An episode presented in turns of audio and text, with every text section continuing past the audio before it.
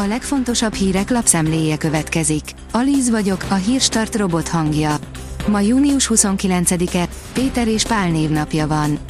A G7 oldalon olvasható, hogy a magyar kormány Amerikától félti gazdasági kapcsolatainkat, de vakmerő dolog Kínában bízni. A magyar kormány több tagja is a világgazdaság átpolitizálása miatt ekézi Amerikát, és Kína keblén keres kiutat. Ám Kína is egyre szorosabbra fonja a külgazdaság és a kínai piacra lépő külföldi cégek felügyeletét. Míg az értékelésnél tart a leendő budapesti ukrán nagykövet befogadó nyilatkozata, írja a Telex. Sándor Fegyír papírja március óta vár arra, hogy aláírják, és ő lehessen a budapesti nagykövet. A 24.hu írja, Fodor Zsóka, sminkkel 20 évet letagadhatok.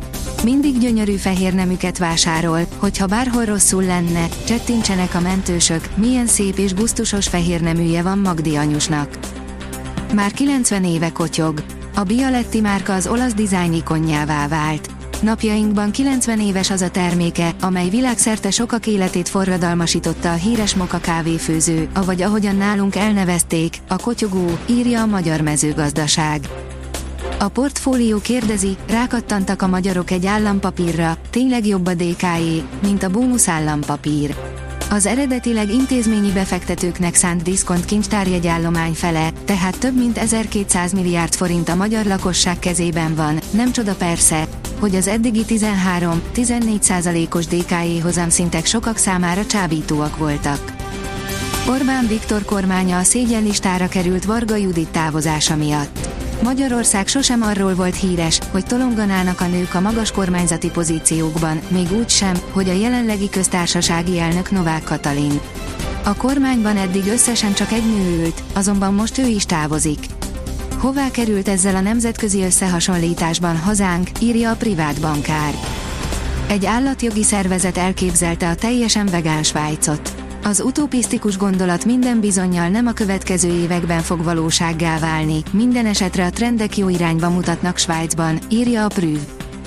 A Forbes kérdezi, nem sokára kékszalag, kiképítik itthon a verseny legjobb hajóit.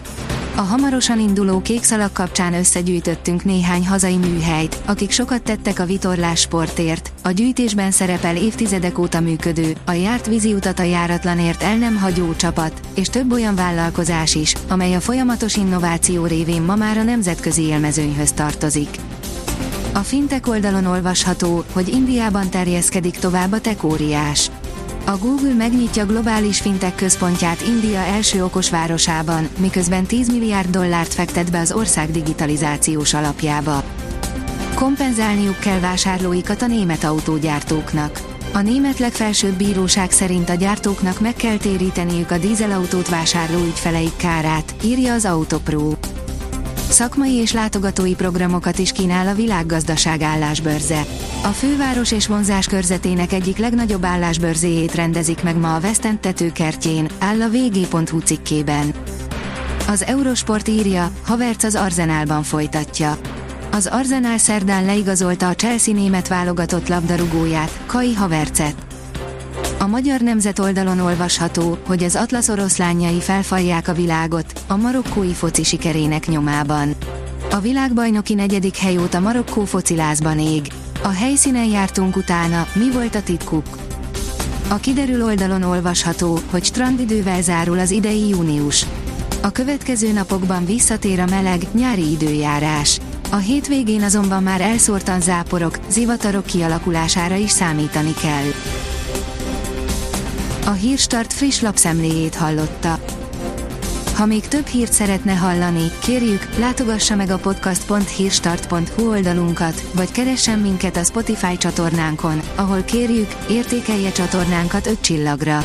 Az elhangzott hírek teljes terjedelemben elérhetőek weboldalunkon is. Köszönjük, hogy minket hallgatott!